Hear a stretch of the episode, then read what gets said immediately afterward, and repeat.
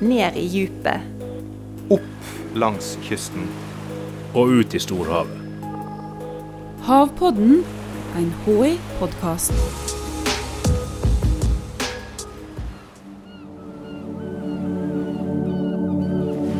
Havet er så uendelig stort, så evig blått, og så ser det så rent ut. Men under overflata så kan virkeligheten være helt annerledes. For da tilsynelatende så rene sjøvannet i fjordene og utenlangs kysten kan inneholde gift. Mitt navn er Monica Sanden. Jeg er forsker, og forskningsgruppa mi jobber med overvåkning av eh, sjømat. Miljøgifter er ei stor gruppe med ulike stoff som vi mennesker har brukt, og som så havner ut i naturen, f.eks. i havet. Når vi snakker om miljøgifter, så har de alltid ei kilde. Og eh, lokale kilder eh, som er kjente her i Norge, det er knytta ofte til industri. Og eh, i Odda så hadde de jo eh, mye industri for eh, der de vant ut sink. Og et biprodukt av sinkproduksjon, det er kvikksølv. Og på den tid når, når, den industrien var på topp, så hadde ikke man de samme reguleringene som vi har i dag. Sånn at der er det mye kvikksølv i, i Sørfjorden. Og, eh, og, det er òg eh, da naturlig noen fiskearter, sjømatarter, som, som har eh, for høye nivå av kvikksølv i, i, i, den fjorden. Og det ligger advarsler ute mot å ete disse, disse sjømatartene. Men selv om det er miljøgifter i omgivelsene, er det ikke sikkert at det er høye nivå av gift i fisken. Alle har jo hørt om ubåten på Feie. og Den har Havforskningsinstituttet overvåka nå snart 20 år. Og Der vet vi jo at det ligger mye kvikksølv i sedimentet. Sediment det er på en måte bunngrumset med stein og alt det som ligger på bunnen. da, Havbunnen. Så der ligger det mye kvikksølv. Men det betyr ikke nødvendigvis at, eh, at dette her blir tatt opp i fisken. Fordi at kvikksølv har flere former. Og for at kvikksølv skal bli tatt opp i fisken, så må det være på den organiske eh, formen. Det som vi kaller metylkvikksølv. Og det er òg den formen som er mest giftig.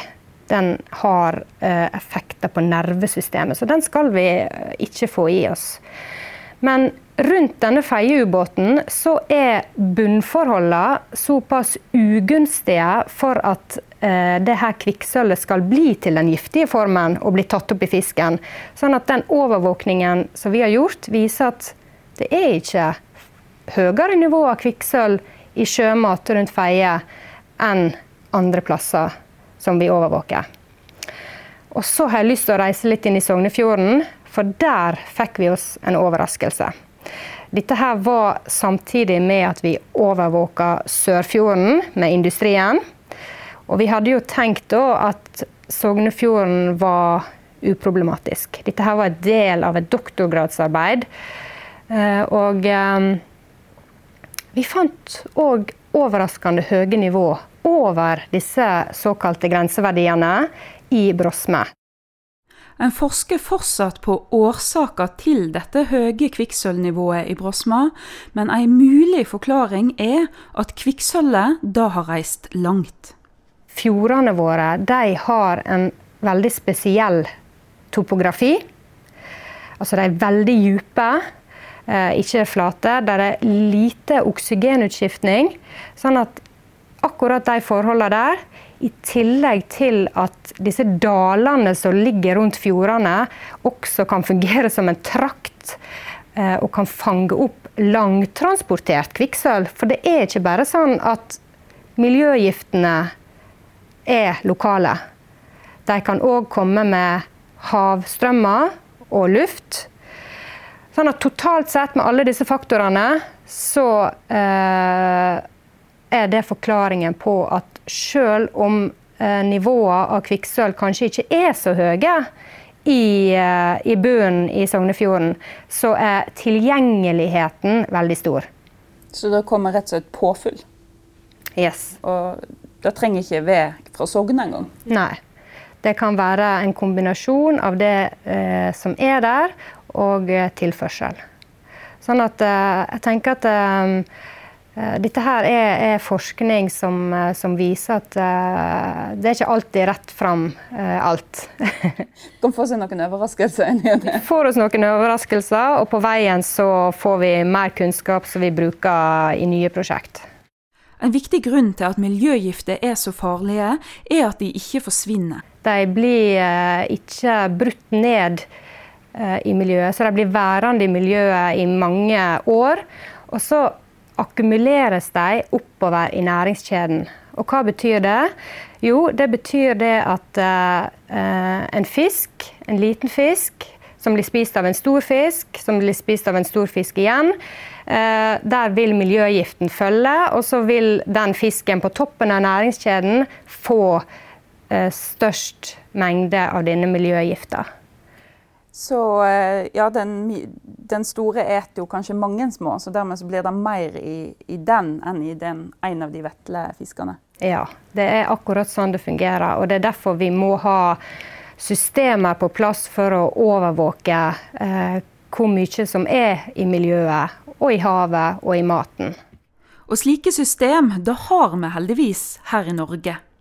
Vi overvåker og samler inn prøver av, av eh, fisk. Helt fra Barentshavet i nord til Nordsjøen i sør.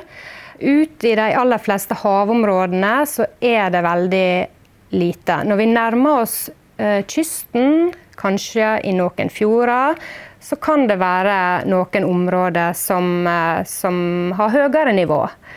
Eh, og hvis man er på fisketur og har lyst å vite hvor disse områdene er hen, så fins det informasjon inne på Matportalen. Der ligger det informasjon om alle disse her områdene som, der det ligger advarsler eh, knytta til noe sjømat.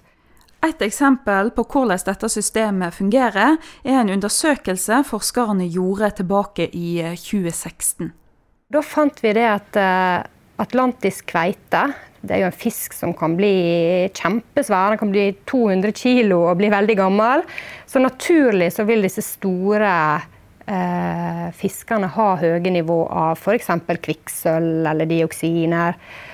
Men så var det ett område utenfor Nord-Trøndelag som utpeka seg. Og her hadde òg de små kveitene høye nivå. Og det som HI gjorde da, det var at de ga råd, ga sine data til Mattilsynet om at dette området kunne være problematisk. Og Da fungerte systemet sånn at de anmoda Fiskeridirektoratet om å stenge dette området for kommersiell fiske. Og Det er fortsatt stengt i dag. Og Grunnen til at jeg sier dette her eksempelet, det er fordi at eh, jeg har lyst til å påpeke at systemene vi har, er, er gode. De fanger opp sånne ting. Sånn at denne kveiten vil aldri havne i butikken fordi at området er stengt.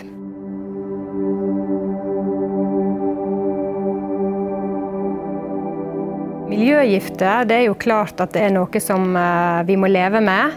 Men, eh, men, det som eh, jeg vil si, det er det at eh, den overvåkningen som vi har, den viser at nivået er veldig lave i, i sjømat. Og det positive her nå er at når vi ser på trender, så er det veldig mange miljøgifter som er eh, nedadgående. Altså vi ser lavere nivå i dag enn vi gjorde for 20 år siden. Havpodden er en podkast fra Havforskningsinstituttet. Jeg heter Stine Humedal og er rådgiver her. Teknisk produksjon og lyddesign var det Febril Film som sto for. Og du, du hører snart igjen.